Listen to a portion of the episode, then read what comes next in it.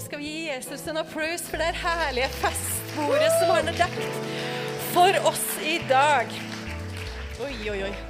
Jeg må jo si at jeg kjenner jeg går i ferdiglagte gjerninger. Jeg hadde sånn tre taler som krangla, og så landa jeg på den her. Og den har allerede Abraham og Nissi talt, så du skal få den en gang til. Og lovsangen har allerede synget om den. Fordi eh, det jeg har fått på hjertet mitt i dag, det er å snakke om å elske Herren av hele sitt hjerte og sin neste som seg sjøl. Um, gå litt tilbake. Jeg heter Sheila. Mange av dere kanskje kjenner meg. Sheila Bønns Lykkås. Men for dere som ikke kjenner meg, så er Nei, hei, der var det Siv, venninna mi. Skal ikke peke ut noen flere. Koselig å se dere alle sammen. Denne menigheten er jo så full av glede og lave skuldre, er det ikke sant? Og det er så viktig. Og eh, Jeg har jobba med kristent arbeid hele mitt liv. Vært pastor, ungdomspastor, misjonsarbeider, lærer og alt mulig. Og I tillegg så har jeg hatt noen oppdrag innimellom som fostermamma, og det der er jeg i dag. Så jeg er gift med verdens beste Vidar, som sitter baki der. Og jeg har tre barn, som, hvorav to er flytta ut av redet. Og Nora er igjen, og to fosterbarn. Så det er litt sånn kort om meg. Og jeg er glad for å få lov å forkynne da, vet du, Erlend Annika. Tusen takk for det. Så jeg har noe sånn utløp for mine mange bibelstudier. Og tilbake da, til denne talen som står på veien, og de neste som deg sjøl. Jeg har bare lyst til å begynne med å si, kjære Jesus, takk at du tar det lille jeg har å komme med, og gjøre det til betydningsfullt, kanskje for noen i dag. Takk at du hjelper meg å rydde opp i mitt alternativt rotete hode og følge planen. Jesu navn. Amen. Veldig glad i sånn flyt, Johan. Veldig glad i det. Um, men jeg har nå noen ord jeg skal si. Og Vi kan gå til det første bibelverset som er et kjent ord. Og Det var en som spurte Jesus, en lovlærd spurt. Han var altså ekspert i lov. Ekspert i religiøsitet. Kanskje en bibelskolelærer. Vi er eksperter. vet du. Har, jeg jobber på bibelskolen her. Jeg er innom her, og Da er det gøy med bibelquiz. Og En gang slo jeg til og med Kristian Tangvik. Woo! Det var mitt stolteste øyeblikk på jord. Bibelquiz er det beste jeg vet. Mm -hmm. Men det var en lovlærd en som sa det her spørsmålet. og det står, eller Noen oversettelser antyder at dette var for å sette Jesus litt fast. For Han spurte hva er det største budet i loven. Og Da svarte Jesus, og han svarte du skal elske Herren din Gud av hele ditt hjerte, av hele din sjel og av all din forstand. Dette er det første og største budet. Og De som sto rundt, nikka gjenkjennbart. For det her står både i 5. Mosebok og det står eh, flere plasser. Det er god jødisk lære. Du skal elske Herren din Gud av hele ditt hjerte. Men så sier Jesus et annet er like stort. Du skal elske din neste som deg selv. Og Jesus han gikk fra at dette var en sånn svulstig, fin, umålbar greie om at du skal elske Herren i Gud, til at han ville ha det ned i praksis. Og vår tro er jo ikke Jeg skal ikke si at den er verdiløs, for tro er jo ikke verdiløs, men trua vår har jo så stor verdi når den bades i kjærlighet, og når den får et praktisk uttrykk. ikke sant? At ikke tro er bare noe som vi har for oss sjøl og syns er koselig, og at det får et praktisk uttrykk. Og at det uttrykket er at vi elsker. Jesus vil ha praksis og ikke bare teori. Og så lever vi i en tid der det å elske sin neste som seg sjøl er litt sånn interessant. Og I kirka så hører vi ganske mye kanskje da, om å elske Gud, hvordan vi gjør det. Og Vi hører kanskje litt mer, da, og, eller like mye, om å, å, å, ta vare på vår neste. og Ha et engasjement og gi. og eh, Misjon og evangelisering og det her. Også, men så sier Jesus at vi skal elske vår neste som oss sjøl. Og i den tida vi lever i nå, så er ikke det bare enkelt. Fordi vi blir overmanna og overstrømma av nettopp oss sjøl. Av fokus på oss. Vi er på utstilling, alle sammen. Det, det sies at ungdomsskoleelever spesielt, de lever som om de står på en scene, sånn som jeg gjør nå. Det er sånn det føles å være ungdomsskoleelev. Det er forskningsbasert hvordan man føler det. Og så har man alle de her skjermene og sosiale medier som gjør at vi hele tida kan få lov å speile oss sjøl, komme til kort eller være veldig flink og, og gjøre det bra. Men hele tida så blir det på en måte et feil fokus. Eh, for Gud ber ikke oss om å bli sjølopptatt. Han ønsker at vi skal ha et godt forhold til oss sjøl òg, sånn at vi kan elske vår neste som oss sjøl.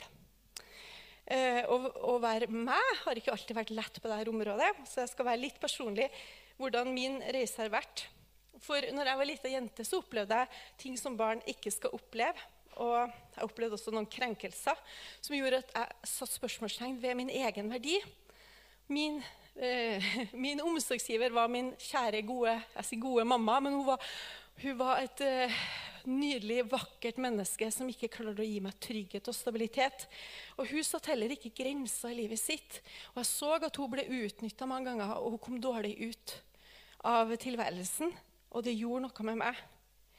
I tillegg så, så flytta vi hele tida. Og først da, Før jeg begynte på skolen, så var vi ute og reiste, og hun var musiker, og mamma og pappa var hippier. Og alt det der. Og det var styr, som jeg bruker å kalle det. Og det er et ord som for meg innebærer fyll og fest og alt det som er, inne, som er i det. Så det var masse styr. Og jeg trodde jo at jeg var den eneste som var sånn, så jeg følte meg veldig annerledes. Og ikke på en god måte. Nå når jeg er blitt voksen, så vet jeg at vi er mange statistisk mange som har hjem som ikke er tipp topp. Men akkurat da jeg var lita jente, da følte jeg at jeg ikke var helt riktig. Det var nok noe feil med meg. Det var, noe ikke var, det var noe med meg siden jeg ikke hadde sånn som venninnene mine. som jeg kunne sammenligne meg med. Og så hadde jeg en opplevelse når jeg var sju år. da, som satt sånn kurs. For jeg hadde jo søndagsskole i ryggsekken min, og mormor og morfar og hadde gode ting òg. Og en, en, tidlig morgen, når det hadde vært bråk hjemme i huset vårt, og det sto askebeger og knuste glassflasker, kanskje og mamma lå og sov ut en rus, så gikk jeg tidlig opp, og så så jeg sola stå opp utafor huset vårt. Og da kjente jeg at Gud var glad i meg. Han elska meg. Det var en fantastisk opplevelse. Og likevel så var det en privat, personlig opplevelse som jeg ikke klarte å dele med noen. og som, ja, Men jeg begynte å lære at Gud var glad i meg. Så spoler vi fram noen år, og jeg var 10-11 år. Og så kom det en sånn hippie-evangelist til den byen vi bodde i. Har dere vært borti noe sånt? Stilen var hippie, og det var musikk, og det var alt det der. Og mamma ble frelst. Og Det var jo fantastisk. og Predikanten eller pastoren kom og sa Sheila, vil du jo bli frelst? Og så sa jeg nei, jeg er frelst. Så det kunne han bare ha. Og Da dro vi på møte etter han her hippie, hippien. Og han var også her i Betel. Så jeg husker faktisk første gang jeg var i Betel. Da var vi med eh, ungdom i oppdragsevangelisten Scott Shoot, tror jeg han heter. Og jeg satt der. Og Det er mange år siden. Det var på 80-tallet en gang. Tillegg har jeg gifta meg i Betel og vært kordirigent, så det er masse sånne ting her. Men det var herlig. Mammaen min ble frelst, og jeg fikk lov å ta min barnetro og ta den med inn i voksenlivet, eller i ungdomslivet. Eh, I ungdomsmiljøet mitt så ble jeg godt tatt imot. og Jeg fikk så mye skryt for at jeg var ivrig og leda lovsang. Og sånn, og jeg kjente at Gud var pappaen min. Og En sånn god helbredelsesprosess var starta. At han hadde en god plan og en vei for meg. Men dette miljøet, da, dette ungdomsmiljøet det var liksom på kanten av samfunnet, vi òg. Så den følelsen av annerledeshet den ble kanskje enda sterkere. Vi var liksom litt sånn rar, vi ungdommene. Vi var ikke vanlige. Det var ikke egentlig det jeg hadde trengt. Jeg har alltid ønska å være vanlig. Jeg. Og så heter jeg Sheila, sant? så folk spør meg hvorfor heter du det. Men den følelsen av å være vanlig, det er, jo, det er jo godt. Så ikke syns at du er for vanlig, da, folkens. Det er så godt, det. Um, men Gud begynte å røre ved meg og fortelle meg at han var pappaen min, at han elska meg. Så gikk jeg på bibelskole og lærte meg alt som gjør at jeg knuser de fleste i bibelquiz. Men eh, på slutten av de årene så hadde jeg en sånn ny, god opplevelse med Gud. Jeg hadde begynt å kjenne virkelig en sånn motor på innsida som sa Sheila, jeg elsker deg. Du er dattera mi. Jeg har utvalgt deg. Du er min. Og så kom det et sånt nøkkelord for meg. Og jeg elsker deg, og ikke bare elsker deg, jeg liker deg. Tenkte jeg det? Vi kan rote oss bort i at Gud elsker oss, men vet du, han liker oss òg. Det er blitt sagt før av disse ungdommene. Ikke sant? Han, ja, men, ja, men jeg er litt rar, Gud. Jeg er kanskje den rareste jeg kjenner. Ja, men jeg liker deg. Ta med deg den. Det er en god, er en god ting. Eh, så jeg forsto det, at Gud begynte å like meg. Og nå når jeg setter meg ned og ber, så har, det er det så lett for meg å skru på den lille motoren som sier 'Sheila, jeg elsker deg'. Du er dattera mi, og jeg liker deg. Og det trenger jeg å høre, for at jeg, ja, jeg er nå den jeg er. Det er en veldig god ting. Salme 34 sier at 'smak og kjenn at Herren er god'. Og det fikk jeg. Jeg fikk lov å smake og kjenne at Herren er god. Nå har jeg fortalt dere litt Guds arbeid i mitt liv, og hvordan han har tatt meg fra å være et veldig usikkert lite barn som hadde min ryggsekk med ting har oppi, og at han har begynt å gjort noe i meg. Men så kommer jo livets stormer og motganger. Og Da oppdaga jeg at denne lille jenta som jeg trodde jeg var kvitt, hun kom opp med jevne mellomrom. Denne tanken på at du er helt ubrukelig. Ingen bryr seg om deg, du, ingen er glad i deg, og du er tragisk. Eller forferdelig, eller alle mulige rare ord som man kan få. Og følelser man kan få. Så da skjønte jeg etter hvert at jeg måtte begynne å fornye sinnet mitt, som Bibelen snakker om. Og virkelig ta til motmæle. Og at det å elske seg sjøl så man kan elske rundt seg, så man kan finne plassen sin i menigheten. Og ikke føle at man må gjøre ting for å prestere. Eller, men at man kan være trygg i seg sjøl, handler om å ta til motmæle mot tanker som ikke er bra. Når vi satt her under lovsangen, så, så jeg for meg et sånn, et sånn bilde. At du har en ryggsekk, og snart er det påske. Sant? Og du pakker den full av Kvikk Lunsj og termos og alt mulig godt du har i den. Og så har du puttet oppi appelsin. Og hvis du glemmer å ta ut den appelsinen, så blir den veldig sånn Dette har vi prøvd. Det blir ikke god lukt. Og vi måtte lete litt. Hvor, kommer, hvor er luktkilden hen? For det lukta bare ikke godt.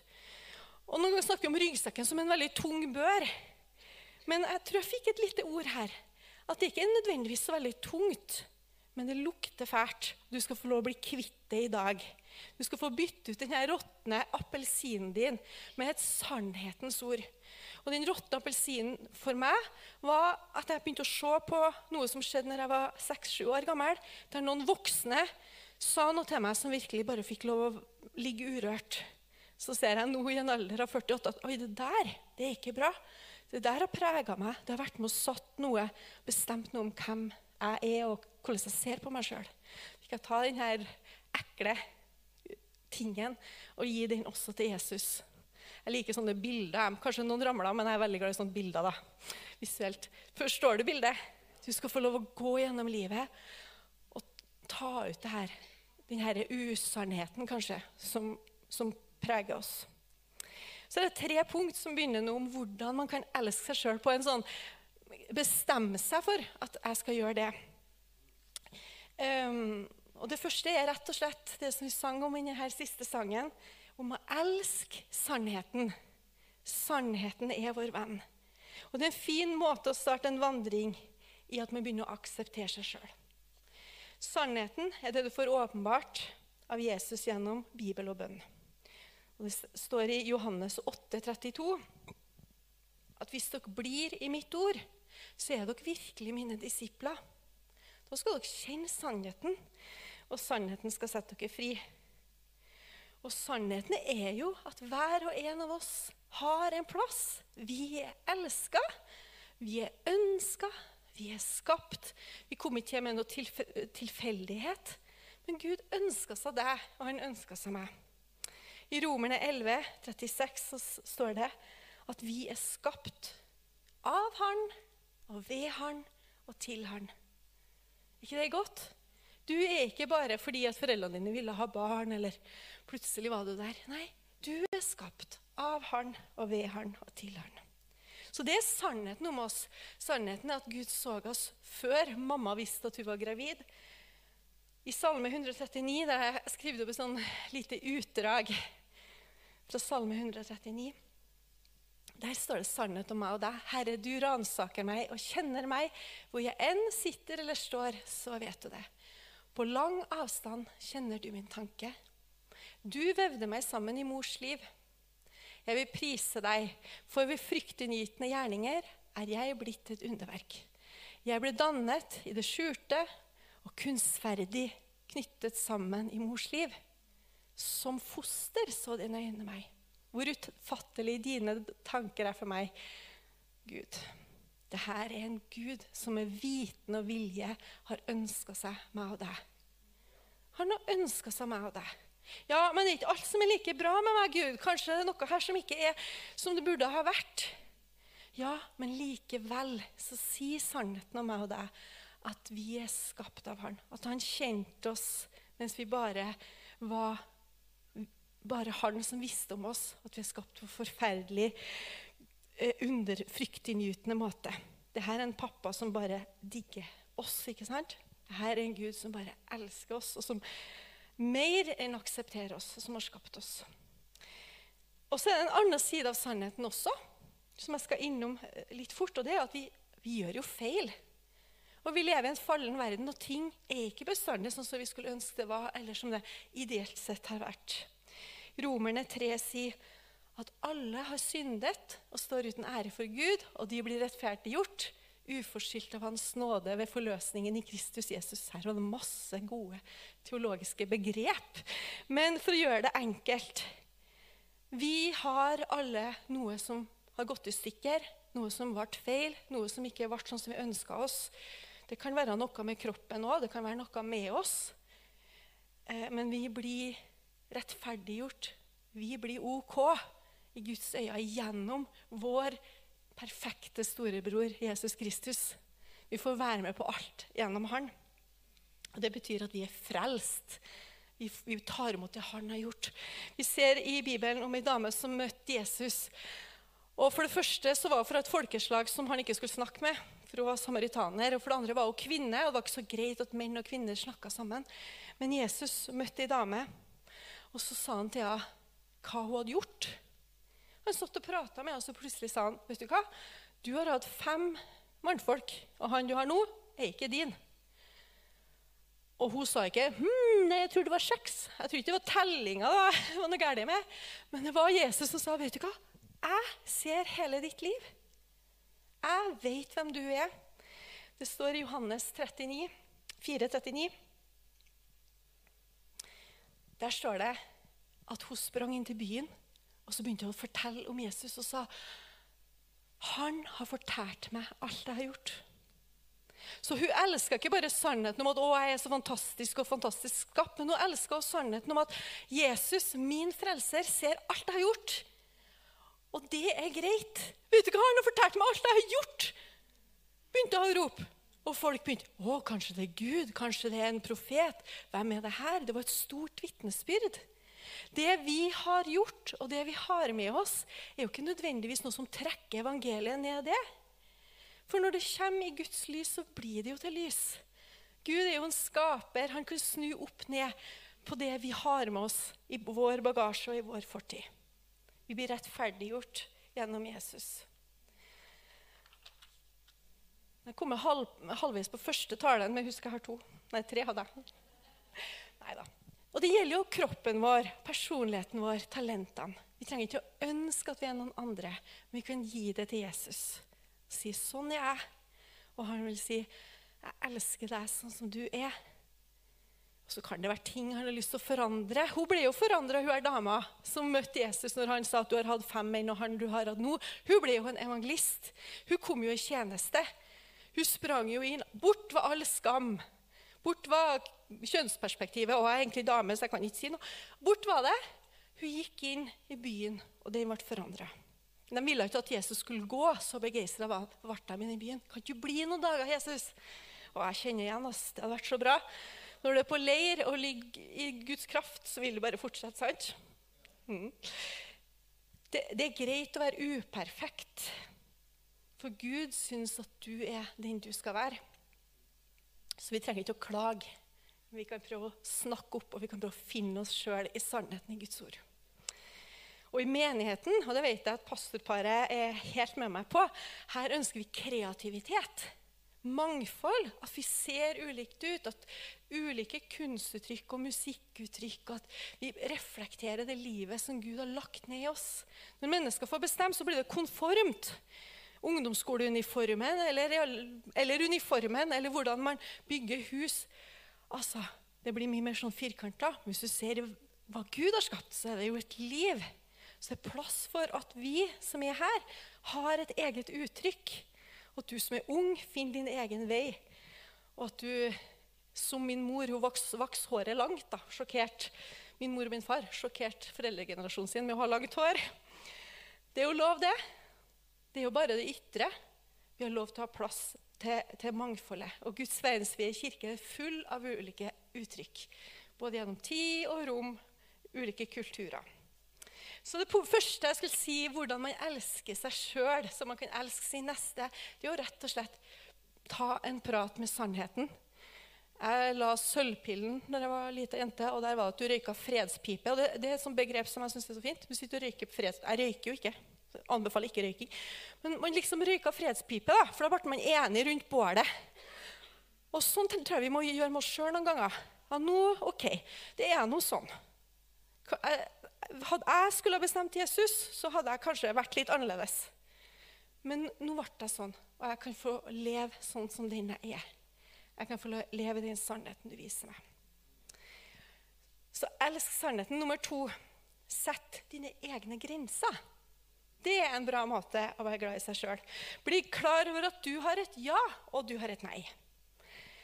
Jesus og Guds ord viser en sånn enorm respekt for enkeltmennesket. F.eks. hvordan han møtte her dama. Hun satte seg ned med henne og snakka med henne. For vi er ikke roboter. Det står om at eh, Adam samtalte med Gud. Gud snakka med Adam i hagen. Og om det så står det at vi er skapt lite ringere enn Gud. Og vi er krona med herlighet og ære. Som menneske et verdifullt underverk som Gud har skapt. Ikke programmert sånn at han bare får de svarene han ønsker. Men en samtalepartner som har noe eget å komme med. Og Det er så spennende når du begynner å gå med Gud, at han hører på meg, og jeg hører på han. Og Noen ganger diskuterer vi, og hver gang vi diskuterer, så får han rett. Men likevel er det lov å si Gud, det her, er ikke, det her forstår ikke jeg, og det her syns ikke jeg. Nå syns jeg du skal steppe up, som eh, dattera mi pleier å si. Gud må steppe up noen ganger. Og det er lov å si, faktisk, for vi er ikke roboter. Og vi ser òg i Bibelen Vi har et ord i Lukas 18, 41. Det handler kanskje litt om sånn kirka, for her har vi en sånn søndagsskolefortelling om Bartimeus, som var en tigger fordi han var blind. Så han satt bare i ro. Han hadde ikke funnet så veldig mye han kanskje kunne gjøre med livet sitt. Og så begynte han å rope fordi han visste at Jesus gikk forbi. Så bare ropte han, og de sa, 'Å, Bartimeus, du var stille. Du plager oss nå. Slutt nå.' Men han fikk Jesus sin oppmerksomhet. og Han ropte 'Jesus, Davids sønn'. Han påkalte liksom det han visste om Gud. da. Han visste om eh, løftesønnen, Davids sønn. 'Stopp opp. Jeg trenger deg nå. Miskunn deg over meg.' Og Da gjør Jesus noe som jeg tror at vi skal lære av. For han spør jo Bartimeus, 'Hva vil du at jeg skal gjøre for deg?' Det er et bra spørsmål. Det er en egen tale. Jeg tenkte på, Hvis Gud hadde spurt meg hva vil du jeg skal gjøre, så, så var det ikke sikkert jeg hadde kommet på det ene svaret så godt som Bartimeus gjorde. Men han hadde klart. da. Han sa jeg vil ha synet mitt tilbake.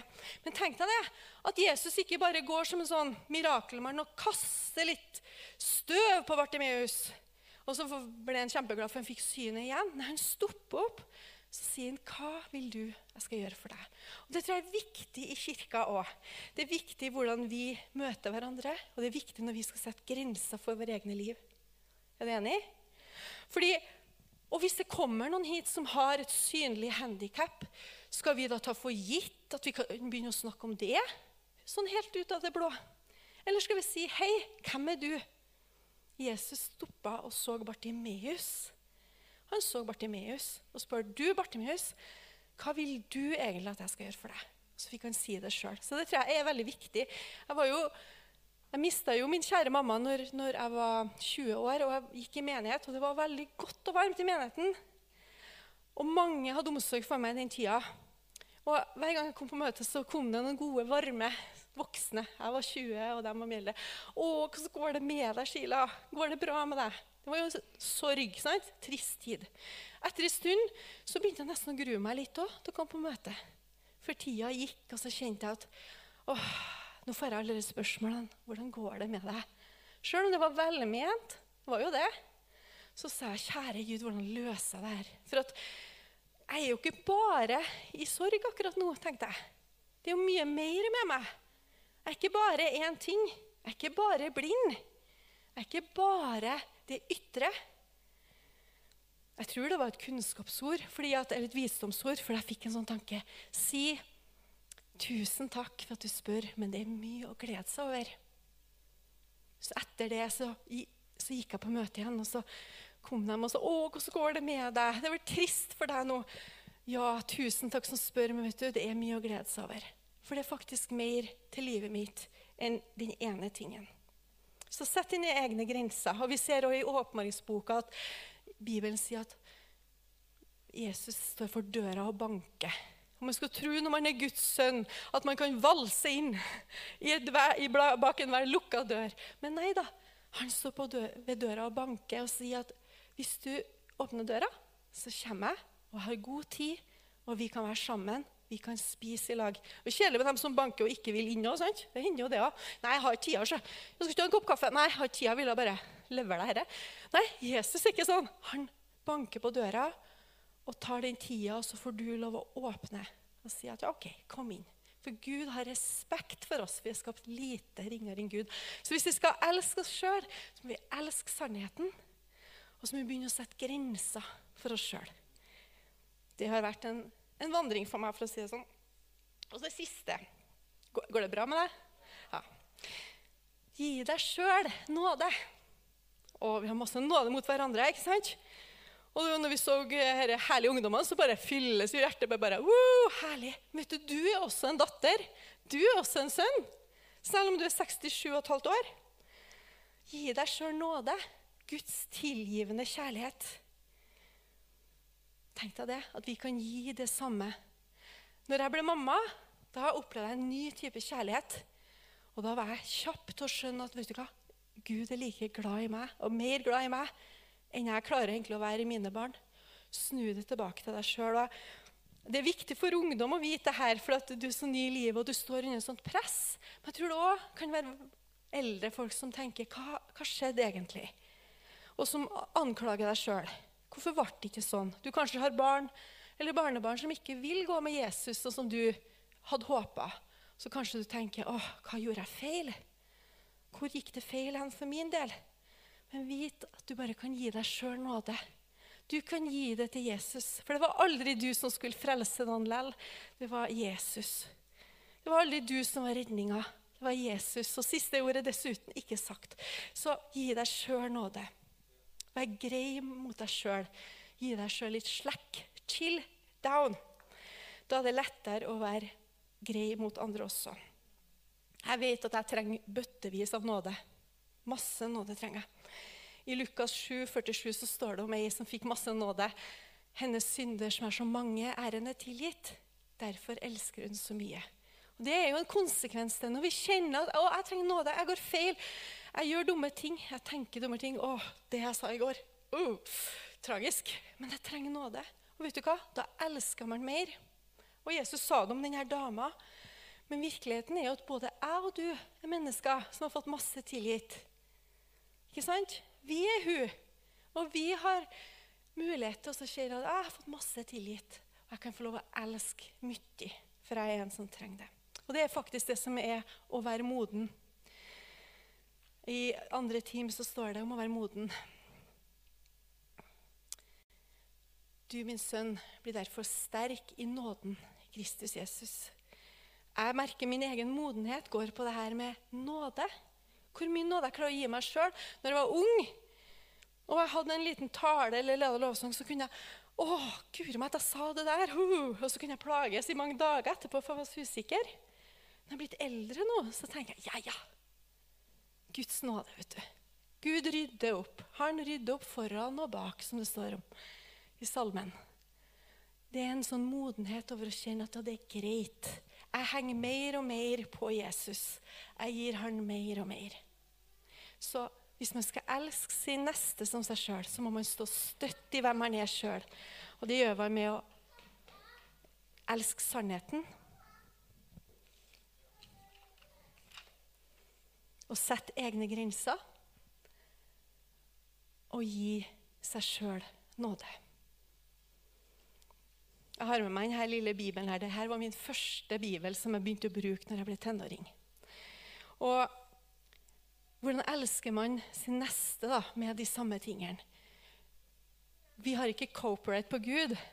Alt det han har gjort meg, til meg, og det han har vist til oss, det gjør noe rundt om i Trondheim, og det ønsker noe å etterjage ethvert menneske med. Jeg lånte bort denne Bibelen en gang. Jeg ble liksom halvveis pressa til å gå på evangelisering når jeg var ungdom. da. Vi var jo en sånn gruppe som er litt sånn rare ungdommer, som jeg sa. Det er helt sant, altså. Vi var ikke så veldig fashion forward. Eh, og vi var så skremt. Vi skulle ut og evangelisere for det sa ungdomspastoren vår. Og så kom det ei jente og begynte å snakke med meg.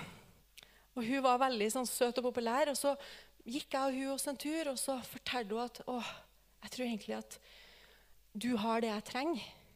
Så kan jeg få låne Bibelen din, sa hun.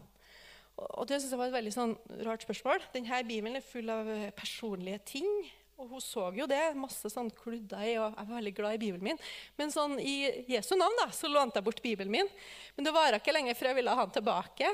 Hadde det vært nå, så hadde hun selvfølgelig fått Bibelen min. Men jeg var ikke der da. Og så hadde hun liksom tusja ut her. Jeg vet ikke om det kan skje, men her har det vært sånn klussa ut, for hun skrevet noe i den. Og så må jeg ha vært nysgjerrig, så jeg måtte begynne å skrape av. Og så skrev hun 'Tusen takk for at jeg fikk låne din bibel'. Den hjelper meg, og jeg håper den vil fortsette å hjelpe meg, selv om jeg er for redd for å tilstå, sto det. Jeg vet ikke hva som skjedde med den jenta. Den søte, populære, moderne jenta som snakka med denne litt rare kristne jenta. Jeg håper hun fikk seg en bibel etter hvert. Men det bare forteller at alt det som Gud har gjort mot meg, alt det han har gjort til deg. Det er så masse hjerteslag som går ut av dette huset til dem vi møter. Og folk er nærmere enn vi tror. Så det å elske sin neste som seg sjøl, det å også la andre få ha grenser. Det å også la andre få lov å si hva de ønsker seg sjøl. Ikke sant? Det å la andre få lov å kjenne at de har skapt akkurat sånn som Gud vil ha dem. Amen. Tusen takk, kjære gode Gud. Vi Gabel, spill piano. Takker deg for at du er sammen med oss nå. Og så tror jeg jeg har et ord til deg som søker på skole til høsten, og som er usikker på om du kommer inn. I Jesu navn så sier vi bare at Gud skal åpne døra for deg, så du havner akkurat der du skal være. Og sånn som jeg er kjent nå. Folk skal på videregående, folk skal på høyere utdanning. Så ta det med deg at Herren er med deg, og han ønsker å gi deg akkurat den situasjonen som du skal ha til neste år. Og du skal få lov å ha fred i det. Amen. Vi er enige om det? Gud åpner døra som ingen andre kan åpne. Takker deg for det, Jesus. Og så den her lille råtne appelsinen. Hvis du kjente at ah, det er noe det var en ting som jeg begynte å tenke på nå. Det var noen ord som ble sagt over meg. Det var noen sannheter som har blitt plassert i livet mitt, som ikke er fra Herren. Så vil vi gjerne være med å be, så vi kan ha en sånn liten bønnestund. har vi om. Så hvis du er her, så, så kan man komme fram under lovsangen. Så skal jeg og Ellen Annika bli med og be for deg. I Jesu navn. Amen.